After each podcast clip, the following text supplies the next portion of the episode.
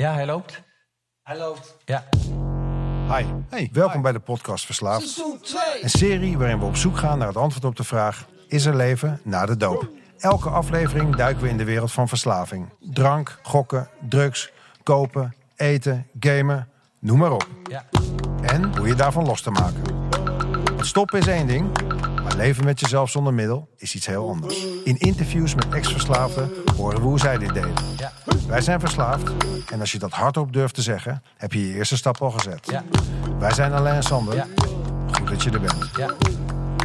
Ja, hij loopt. Hij loopt. Ja, natuurlijk loopt hij. Gek. Wat? Jij drukt er op play, man. Ik druk op play. Ik druk Welkom. niet alleen op play, ik druk ook op record. Yes, all about it. Ehm Nummer 35. Godverdomme, ben je me voor? Yup.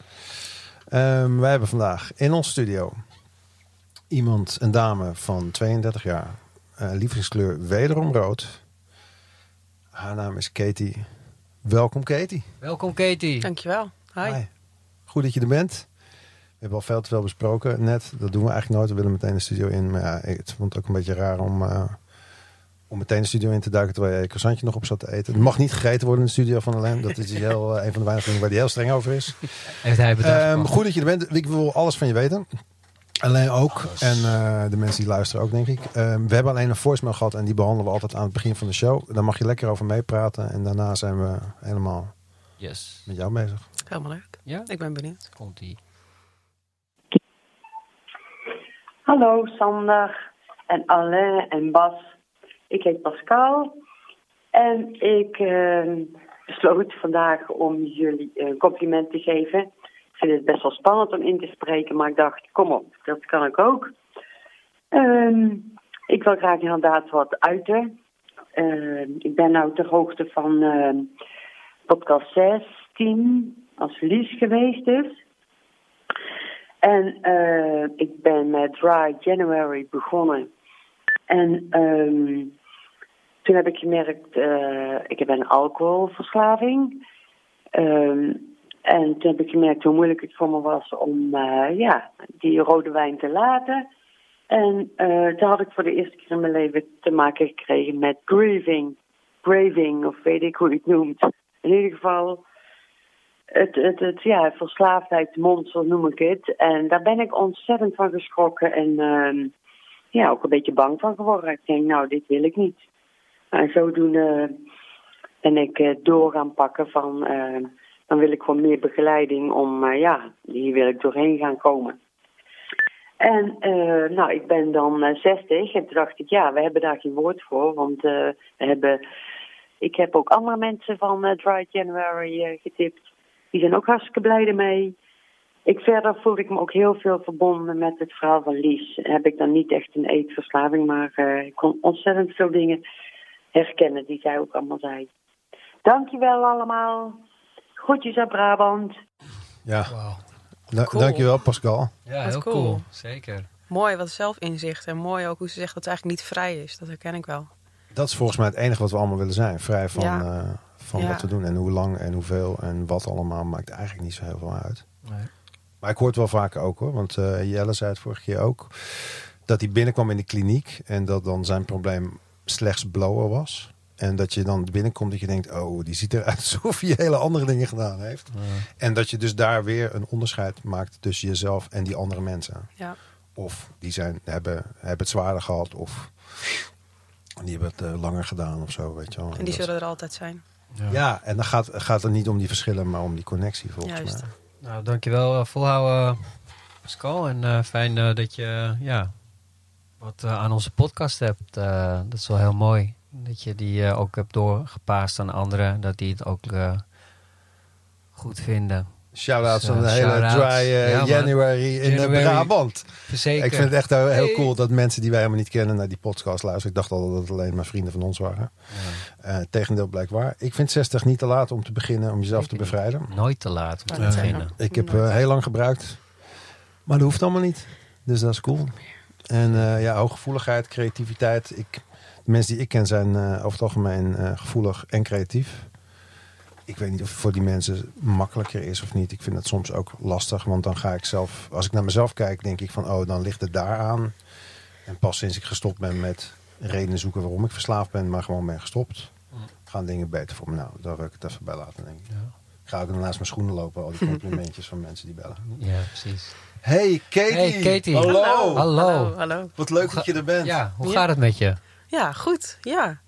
Ik, ben, eh, ik zit er lekker rustig bij. Ik vind het leuk om hier in de studio te zijn. Het is Ja. eh, heel gek, Sander, om jouw stem te horen. Want ik heb jou eh, elke avond eh, voor het slapen gaan op de podcast geluisterd. Wat een nu, eh, idee. Ja, ja, Ja. het is echt... eh, kijk, alleen ken ik natuurlijk al. Dat is waar. Dus dat is, dat is, nu heb ik er een gezicht bij. Dus eh, nou, ik vind het leuk. Ik Ja. eh, vind het leuk. En ook wel een beetje spannend natuurlijk. Dat ik Ja. denk, nou... Maar ik laat jullie lekker leiden in het gesprek. En eh, Oh, jij gaat gewoon lekker uh, lean ik back. zie waar we en, heen eh, gaan. nee. Ja, jullie Ja. zijn de, de baas, toch? Ja, nee, het grappig, want je bent anders dan ik me voorgesteld had. Ik heb je wel eens in een meeting gezien. En eh, nou, een, een mooie vrouw, maar ook best wel een beetje badass. Van eh, niet fucken met mij. Is dat een beeld wat klopt? Of eh, is het beeld wat ik nu van je heb ehm, meer treffend? Ik weet niet of het echt badass het goede woord is. Nee. Ik zou mezelf niet zo snel zo omschrijven. Nee, ja, misschien kan ik soms wel zo overkomen. Ik denk dat sommige mensen als ze onzeker zijn klein kunnen worden. En ik kan soms iets groter worden als ik onzeker ben. Ja. Ehm, maar eh, ik, ik sta wel in mijn kracht. Ik merk wel dat ik echt, eh, ja, sinds ik het programma ingekomen ben, absoluut in mijn kracht sta. En dat, eh, misschien, misschien is dat badass, ja. Ik weet het niet. Ik weet, het was een soort air van, eh, nou nu even niet, weet je wel. zo een beetje of zo. Maar misschien projecteer Misschien ik dat. ik in hè. halt. dat misschien zat je in halt en dat staat voor, ik weet het. Hungry, angry, lonely, tired. Ja. Yes. Ik eet dus tegenwoordig niet voor 12 uur. Heb ik vandaag wel gedaan, omdat ik dacht... in halt zitten en in een podcast is misschien niet zo slim. Ah. Eh, maar ehm, ja, als ik, ik, ik had laatst een vriend aan de telefoon... en toen was ik een beetje kribbig. Toen zei ik, ik heb nog niet gegeten. Sorry, mijn excuus. Dus dan word ik een beetje kribbig. Dus misschien zat ik in halt toen je me tegenkwam. Maar normaal ben ik denk ik best wel toegankelijk. maar je, je deelt geen klappen uit? Nee, Als iemand, eh, nee. als iemand een klap verdient, van hup, meteen pam. nog nooit in mijn leven gedaan. Nee. Ik had vriendinnen die zeiden, Kate, als iemand ooit aan jou komt, dan, dan worden we gek. Omdat ze gewoon wisten dat ik zou dat doen. Fladder er tussendoor. Zo van, "Ah, wees lief voor elkaar. Dat is toch belangrijk. Oh. Een heel lief meisje eigenlijk. Stiekem wel. Maar doe je dan, eh, als ik het goed begrijp, eh, niet voor 12 uur eten, intermittent fasting? Ja. Ja, en vooral omdat ik, eh nou, ja, ik heb dus een, een twee maanden geleden mijn enkel gebroken en daarna is mijn voeten geopereerd. Dus ik zit eigenlijk best wel veel stil. En toen dacht ik, ja, zo vaak eten op een dag is een beetje overrated als je eigenlijk alleen maar stil zit. Ehm, Daar zit wat in. dus dat, eh, ja. Wat doe je dan eh, van 12 tot 8 eten en dan 16 Ja. uur niet? En hoe lang duurt het dan? Ehm, nu twee maanden denk ik of zo. Hoe bevalt het? Ja, gaat prima. Het went. Ik moet zeggen dat ik, als ik echt heel vroeg wakker word, dan is de tijd langer. En Ja. zeker als ik om half Hoe laat acht... word je wakker? Ehm, nou, de laatste tijd echt om zeven uur wel. En soms eerder. En dan doe ik meestal je moet meteen vijf uur wachten voordat je iets Ja. mag eten. Want eh, Ja. koffie mag eigenlijk ook niet, hè? Dan, dus alleen water. Ja, En je tanden poetsen, that's Ja. it. ja. En, Ja. en thee dus? En thee. Ja. Zonder suiker. En merk je Ja. dat je meer energie, dat je energieker bent? Ja, ik heb er eigenlijk helemaal geen last van. Behalve als ik zondagochtend in de meditatiemeeting zit en mijn buik is aan het knorren. Dan denk ik, oh, stil nou. Iedereen is aan het mediteren. Dan... Eh, Ik dacht dat ik hem net ook even hoorde. Ja, want wij, ja. wij hebben een kleine meditatie Ja. gedaan hier van vijf, Vijf minuten. Dat was heel fijn. Ja, was heel Maar fijn. met een, kop, eh, inderdaad, met een koptelefoon op. Eh, ja, wij geven elkaar een kneepje als we het Als zelf zeggen op hetzelfde moment. Oh, nice. Dat heb ik van mijn zoon geleerd. Nou. Maar toen, toen, wij deden dat met de microfoon gewoon volop aan en de koptelefoon op. Nou, Ja. ik werd echt heel erg bewust van mijn eigen ademhaling. Toen dacht Ja. ik ook van, hé, hey, is dit mijn maag? Ja. Of Ik, ik weet ook niet Ja. of het mijne was of die Maakt er niet zoveel uit, maar eh Nee, was, was wel ja. grappig. ik was de enige die niet versterkt was, dus ik kon alles heel... Ja. was wel, eh, ja, was wel Dus indrukwekkend. alle geluiden waren niet van jou, maar van Katie of van mij. Ja, ja, ja, nou, ja. we hebben dat even... Maar dat maakt niet uit. It's, uh, it's a part of nature. ja. Maar goed van je. Ik heb het ook een tijd gedaan, eh intermittent vasten.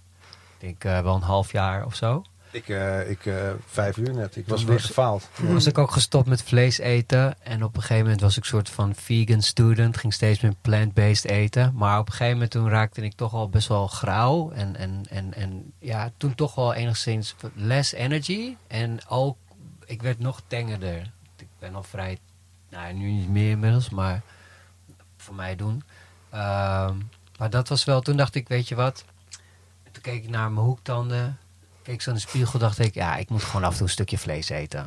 Ja, ik ben dus wel vegetariër en eh, ga richting plant-based. Een beetje wat jij eh, zelf zei. Ja. En ik moet zeggen dat het volgens mij best goed gaat. Maar eh, ik, Ik, heb, ik ken dat ook ze een uh, fletse huid heeft of zo. Nee, hè? Ja. Valt wel mee, hè? Nee, ja. Ja, moet je meestal vaker naar buiten. nee, ik, ik moet wel zeggen, in het verleden heb ik het ook, ben ik ook vegan geweest. En toen Ja. deed ik het niet zo goed. Want ik bedoel, in principe als jij dat met vegan mayonaise eet, ben je ook vegan. Ehm, maar ja, dat, er zijn natuurlijk wel gradaties. En ik merk wel dat het echt belangrijk is om het gewoon goed te doen. Ja. En eh, dus, eh, want eh, hoe lang eh, ben je al heel lang vegetariër? Eh, een jaar of vijf, zes denk ik. Oké. Zes jaar gewoon helemaal geen vlees gegeten. Nee. Nee. Is dat, eh, en wat is de, de, de, de keuze? Is dat voor je, wat, wat, eh, wat Nou, is jouw doorslag, boodschap? ja, ik denk dat doorslaggevend voor mij was dat ik wel... Ik werk met paarden ook. En ehm, ja, op een dag was ik zo overstuur omdat er een paard ingeslapen werd. En ik, ik kan zo'n intense band met een dier opbouwen. En toen voelde het gewoon zo onlogisch om dat nog te doen. Ja. En dat met nog allemaal andere redenen. eh, Dus je hebt ook nooit een lekkere paardenbiefstuk gegeten? nee, nee, Paarden- nee. Paardenworst? Nee, ik, ik, ik kan me niet eens meer voorstellen hoe het smaakt. Nee. Dat is echt heel grappig, maar... Nee, ik, eh, dat is echt te lang geleden. Ja. Ik vind het fantastisch en ik wil Ja. het ook. Maar Ja. ik, ik glij elke keer weer af naar mijn lage energie. Low energy. En eh, ik wil, het is niet zo zeer als ik een dier zie lopen dat ik dan plakjes worst of zo in mijn hoofd voorbij zie komen. Maar ik, ik glij elke keer gewoon weer af. En ik denk, ja, fuck het vanavond even een kippetje of een Ja. dit.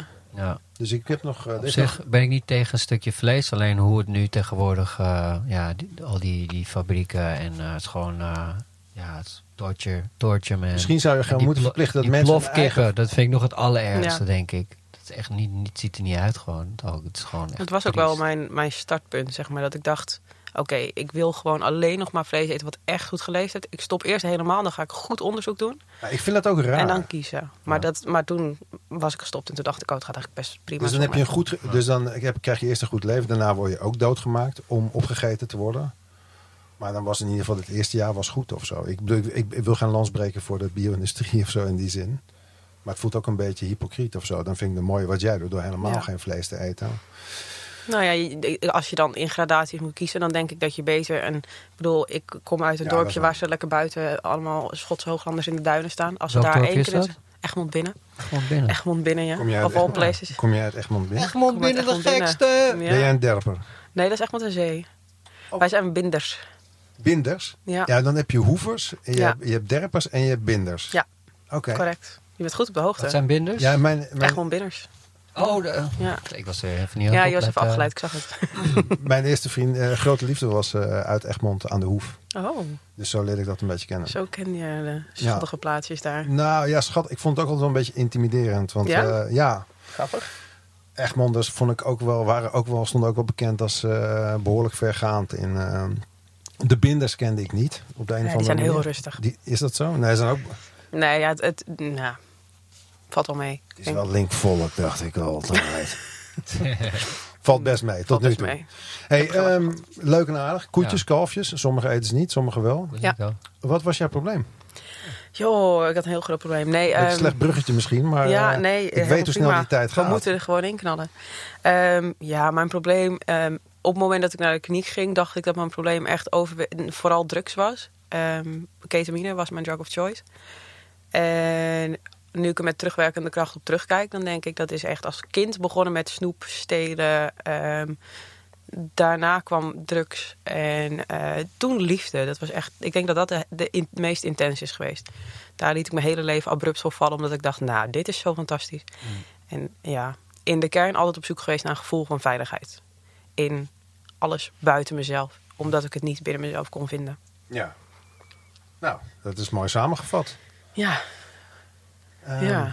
Alain, wil jij hier nog even op doorgaan? Of zullen we gewoon meteen naar het nieuwe leven gaan? Eh, nou, ik wil eigenlijk eh, even, want ketamine, misschien niet iedereen weet wat ketamine is. Oh, dat is misschien kan je daar eens over Ja. vertellen. Ja, zeker. Ja, ik weet dat de eerste keer dat ik aan iemand vroeg wat ketamine was en hoe het voelde. Ik was, zeg maar, na mijn eerste keer dat ik ooit een keer een pilletje gebruikte, was ik meteen een soort van intrigued. Ik dacht, wat is er nog meer mogelijk? Het voelde een beetje als een pretpark. Eerste achtbaan had ik gehad en ik dacht, er zijn er nog veel meer. En zo werd ik heel nieuwsgierig. En eh, dat iemand ketamine aan mij omschreef, toen dacht ik, wow, dat klinkt heel vaag. Want ze zeiden ook, ja, het is vaag. Je, je herkent, ja, je, eigen, je lichaam is niet meer jouw lichaam of zo. En daar kan je helemaal niks bij voorstellen totdat je het zelf doet. Ja. En dan denk je, holy shit, dat is echt heel raar. Ik eh, herinner me een moment dat mijn, mijn toenmalige vriend naast me zat. En dat ik naar zijn benen keek en naar mijn benen. En dat ik moest beredeneren van die voeten zijn groter. En die schoenen zijn niet van mij. Dus dat zijn zijn benen. Maar dat gevoel, die logica is weg. En, Ja. ehm, ja, het klinkt bijna als een short, shortcut naar transcendente meditatie of zo. Dat je uit je lichaam treedt. Ja, ik moet wel zeggen dat ik er heel vaak op gemediteerd heb. Want ik, ik was zelf echt op zoek naar een gevoel van rust. En ehm, Sorry, waar heb je op gemediteerd? op, de, op de ketamine, Keta? ja. Je bent gaan mediteren met Keta. Ja, ja ik, was, ik was nooit op zoek naar... Ik was ook echt een, een lonely user, zeg maar. Heel erg geïsoleerd thuis, gordijntjes dicht. eh, ja, met vrienden deed ik wel eens, maar ik voelde me het prettigst alleen. Ehm, en ik zocht gewoon naar rust. En ik weet dat een van de eerste keren dat ik Keta gebruikte... zag ik een soort van mijn leven als allemaal... alle ellende die ik had, zeg maar. Alles waarvan ik dacht dat het nooit goed genoeg was, niet klopte. Dat ik nooit, zeg maar, alle ballen hoog kon houden. Ineens waren al die puzzelstukjes weer in elkaar. En dacht ik, het klopt gewoon. Ik ben precies waar ik zijn moet. Het is allemaal oké. En ja, vanaf dat moment ging het eigenlijk natuurlijk al een beetje bergafwaarts. Want dat gaf mij zo'n gevoel van rust en veiligheid... die ik niet ergens anders kon vinden. Nee. En toen, eh, ja, van kwaad tot erger. En kun je nog... eh, eh, ja, precies. Nou, De meeste mensen beginnen met mediteren nadat ze gestopt zijn met drugs. Ja, Jij was er alweer eerder bij. ja nou, ik, ik deed heel veel dingen wel tegelijk. Want ik merkte wel... Dit is heel grappig, maar ik werkte voor ehm, een drugsvoorlichtingsproject. Eh, en die waren niet per se tegen drugs, maar meer als in ehm, als je het doet. Let hierop, let daarop. Eh, ja, hoe kan je zo veilig mogelijk, dus aanhalingstekens natuurlijk gebruiken. Hoe kwam je daar terecht dan? Op een feestje heb ik daar, eh, zij deden voorlichting geven op feestjes en ik heb daar zelf een enquête ingevuld en dan krijg je een sleutel. Ik geloof dat ik een keycord mee had gekregen. Is dat die club waar je ook je drugs kunt laten testen of niet? Dat kon ooit wel, maar daar zijn ze uiteindelijk mee gestopt. Ja. ja. Eh, dus, eh, dus ik wist al vrij snel eigenlijk wel wanneer mijn ge- gebruik problematisch werd. Dat ik dacht, hé, dit klopt niet helemaal. Het is niet meer recreatief. Dus ik ben altijd eigenlijk op zoek geweest naar een andere manier. Ik zag drugs altijd als een soort van tijdelijke oplossing. En als ik dan de goede oplossing gevonden had, dan kon ik de drugs loslaten. Het was een beetje verkeerd somgedacht. Achteraf gezien moest ik eerst de drugs loslaten voordat ik al die dingen kon implementeren. Ja. Maar eh, ja, ik zocht van alles. Van Wim Hof tot eh, mediteren, tot eh, vasten, tot weet, weet ik veel. Allemaal terwijl je nog in gebruik was. Ja, ja. Hoe, hoe lang geleden? Therapieën gedaan, haptotherapie tot eh, weet ik veel. Allerlei labels gehad, borderline, ADHD en zo. En als ik er nu op terugkijk, denk ik... Misschien was je had wel- je eerst moeten stoppen met alles en dan pas. Was je Ja. wel vroeg bij, eh, Wim Hof, hoor ik vallen. Hoe Ja. lang geleden was dat dan, eh, dat je al die eh, inzichten kreeg? Ja, ik, ik was wel, ik mer- merkte altijd in mijn familie wel dat ik altijd degene was die met nieuwe ideeën aankwam. En mijn moeder was degene dan die ze eh, doorvoerde of zo. Dan bleef het bij hun wat meer hangen. En ik was dan weer, want ik deed dat dan drie keer. En dan dacht ik, zie wat werkt niet, heb het volgende ding. Weet je? Dus ik was heel onrustig. En vanuit die rusteloosheid op zoek. Weet je, ik keek TED Talks en zo. Ik zat op de bank alleen maar TED Talks te kijken Ja, en alles. ja, ja. En ik was alleen maar op zoek naar de, de magic key Ja, om, ja. om zeg maar, mezelf te kunnen, kunnen herstellen. He- Heel even, hè, want je bent nu 32, zeg je. Hoe, la- hoe lang ben jij gestopt met? uh, Hoe lang ben je abstinent nu? Iets meer dan 2,5 jaar. Ja, dus zeg maar. En hoe, wanneer was het begonnen? Want je bent dan op je 30ste. Stop je ermee? Ja, ik was 19 dat ik voor het eerst een pilletje gebruikte. En wa- welke leeftijd werd het problematisch? Hmm, eigenlijk vrij snel. Ik denk binnen een jaar wel. Ja, Zeg van je 20ste tot je 30ste. ja. Even voor eh, Ja. mijn idee. Ja. eh, ja, ja. en heel erg met fases. Dus het was, eh, soms was het eh, in het begin was het misschien... Ik merkte dat ik snel binges had. Dus dat ik dan een paar dagen achter elkaar gewoon niet eruit kon komen. En er was één vriendin die vertrouwde ik. En daar zei ik het dan tegen. En dan bleef ze een nacht bij me. En dan, dan was ik er weer uit en dan ging het ook alweer. Maar dat werd steeds moeilijker. En de fases werden langer. Ik probeerde tussendoor nog wat andere dingen. Een half jaar naar het buitenland en zo. En Hoe, dat- ging, hoe ging dat dan? Want dan ben je op een andere plek. Maar ja, ik kan me voorstellen dat je problemen misschien met je Ja, dat meereizen. neem je allemaal met je mee. Dat, eh, dat werkt niet zo goed. Heel even is de afleiding. Zeker in het begin, dan komt er zoveel op je af... dat, dat je gewoon eh, daardoor eigenlijk wel de, de afleiding krijgt die, die ik zocht. Ehm, maar ja, voordat ik, niet eens opgenoemd net... maar voordat ik ooit begon met drugs... heb ik ook wel eetstoornis eh, problematiek gehad, zeg maar. En eh, dat kwam in Spanje echt... eh want ik heb wel een half jaar in Spanje gezeten. Dat kwam daar wel vol terug, zeg maar. Echt heel veel eten, overgeven. En daar merkte ik ook alweer dat ik dacht... het is altijd iets, zeg maar. Ja, het is eigenlijk hetzelfde steeds in een Ja. andere vorm. Ja, absoluut. Want toen je in Spanje, je had eetproblematiek, had je daar ook meteen dat er iemand voor je stond van, nee, eh, gebruik je toevallig ook drugs? Of Eh, ik, heb, ik heb wel een keer gebruikt daar. Dat was geheel toevallig eigenlijk. Maar eh, verder ben ik daar niet echt met drugs bezig geweest.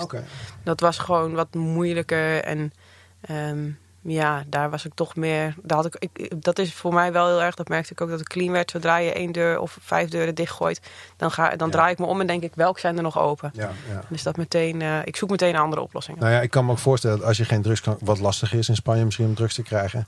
En ja, misschien, ik zeg het raar om te zeggen, het eten is natuurlijk tien keer zo lekker als hier. Dus als je dan in een land verslaafd moet raken aan eten, doe het niet in Nederland, maar doe het in een land als Spanje Ja. natuurlijk. Ja, en ik denk ook dat het misschien een beetje de setting was. Ik ben een half jaar in het buitenland met paarden gaan werken. Dus dan zit je toch daar op een stal. Ik zat vrij geïsoleerd. Ik denk als ik misschien in het uitgaansleven was gaan werken, dat ik dan wel ja, veel meer richting drugs was gegaan natuurlijk. Hey, ehm, eh, misschien een raar vraag. Ik, ik- toen ik de eerste keer hoorde over ketamine of las, klopt het dat het een paardenverdovingsmiddel Ja. is? Ja, paardenmeisje. Sorry? Mensen maken altijd grapjes over. Nou ja, ik, ik, vind het, ik vind het ook grappig, maar meer naar mezelf toe. Dat ik, ik kan me nog herinneren dat, ik, dat er iemand slecht ging op de keta. En dat ik tegen mijn vrienden zei. In de tijd dat ik dacht dat ik geen probleem had. Van ja, wat denk je dan? Het is gemaakt voor paarden. Weet je wel, Eh, hoe logisch is dat? Ik heb het later ook geprobeerd. Redelijk aan het eind van mijn, van mijn, van mijn rock bottom, zeg maar. Het is nogal wat, keta. Ja, het neemt heel nauw. Het neemt heel nauw. Het is heel gevaarlijk om te veel te nemen. Mm, Ja en nee. Zeg maar in eerste instantie wel. En het is niet, niet per se denk ik heel gevaarlijk, omdat het wel. ehm, er gebeurt niet snel, behalve dat je niet meer kan functioneren, iets heel heftigs. Je zal niet snel, zoals met GHB bijvoorbeeld, dat je oud kan gaan en zo. Oh, dat is. Oké. Het is, ja, ketamine werkt niet zo heel erg op je, op je ademhaling, dus die blijft wel gewoon rustig, zeg maar. Als je het niet combineert, dan is dat redelijk veilig. Ehm, maar ja, het is, je bouwt wel heel snel tolerantie op. Dus daar waar ik in het begin een mini beetje nodig had om, om veel te kunnen ervaren, eindigt het wel met 2 gram per dag. Twee gram per dag. Ja, en, dan, en ik weet nog dat ik eh, aan het einde eh, met een vriendin was. En, en zij pakte een heel klein beetje. En toen dacht ik, shit, zij pakt dat beetje. En zij voelt veel meer dan ik van die 2 gram op een hele Ja, dag. dat je jaloers wordt op de high van iemand anders. Omdat dat- het het jou... werkt gewoon niet meer. Nee. Het werkt niet meer. Je, je lijf went er zo aan. Ik werkte erop. Ik gaf paardrijles. Sorry, mijn baas weet het niet.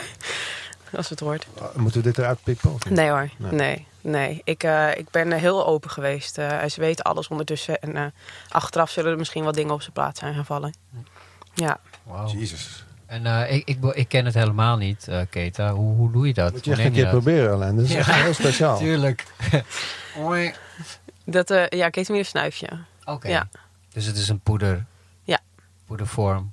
Ja, ki- het zijn kristallen. Je moet ze eerst fijn, Ja. fijn Ja. maken, zeg maar. Dat vond ik ook. Dat ik dacht, hé, hey, dit gaat wel een serieuze druk toe. Want ik moet een theelepeltje gebruiken. Dat voelde Ja, wel een beetje... slagroomdrankje of zo. Ah, Oké. Ja, Ja. eh, Om, om dat te doen. De eerste keer had ik het ook niet gedaan. Volgens mij ging ik het zo snuiven. Nou, dat was niet heel fijn in je neus. Het kan, maar Oké.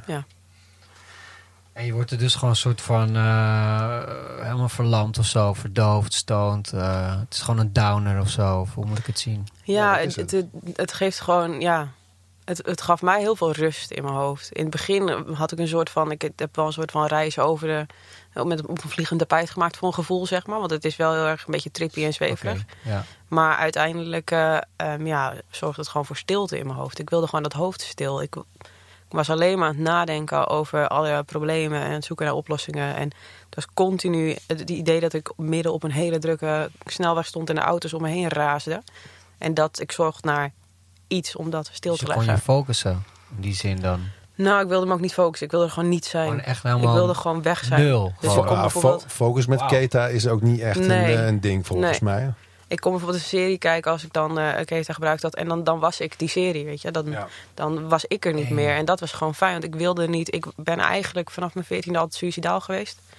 Ehm, tegen mijn ouders ook altijd gezegd. Gooi je even eh, heel nonchalant tussendoor. Ja, ja ik, het is, ik ben daar destijds zo aan ge- gewend, hoe heftig het ook klinkt. Maar voor mij was het heel normaal om s'avonds naar bed te gaan en te denken... ja, als ik morgen niet meer wakker word, Prima. Prima, weet je. Het was zo vermoeiend. En ik, ik heb ook gesprekken met mijn ouders gehad dat ik zei... mam, ik doe echt, ik, ik doe mijn best en ik ga alles proberen. Maar als ik me over vijf jaar nog zo voel... ik geef vijf jaar lang, ga ik hiervoor vechten. Maar als het over vijf jaar nog zo is, dan kap ik ermee. Want En hoe oud was je toen? Dat was, toen was het denk ik jaar of 24, 25 dat ik het daar echt over had. Want toen had ik het al zo lang en toen ging ik het ook echt bespreekbaar maken. En ik weet ook dat mijn moeder kon altijd zien aan mij als ik gebruikt had. Dus dan zei ze, je hebt het gebruikt. En dan zei ik, mam, zeg er nou gewoon niks over. Ik heb dit nodig. Ik, ik trek het niet zonder. Ja. Ik wil alleen maar dood. En als ik dit doe, dan is het iets draaglijker. Ja. Totdat het dat niet meer was.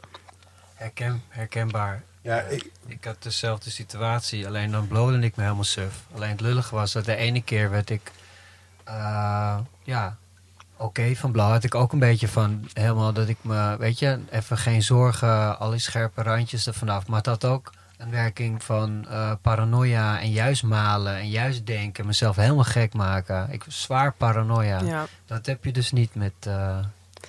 Ehm, nee, ik heb van, van Keta zelf nooit gehad dat ik para werd. Maar als ik erop terugkijk, is het natuurlijk wel. Kijk, eh, wat ik ook leerde toen ik therapie had voor borderline, is dat het gewoon belangrijk is om goed te slapen, uitgerust te zijn, om die, die weerbaarheid in je hoofd te hebben. ja. En door ja, ik, aan de drugs, ik sliep soms maar drie uurtjes per nacht. Aan het einde was dat heel normaal. Dan vond ik drie uur meer dan genoeg.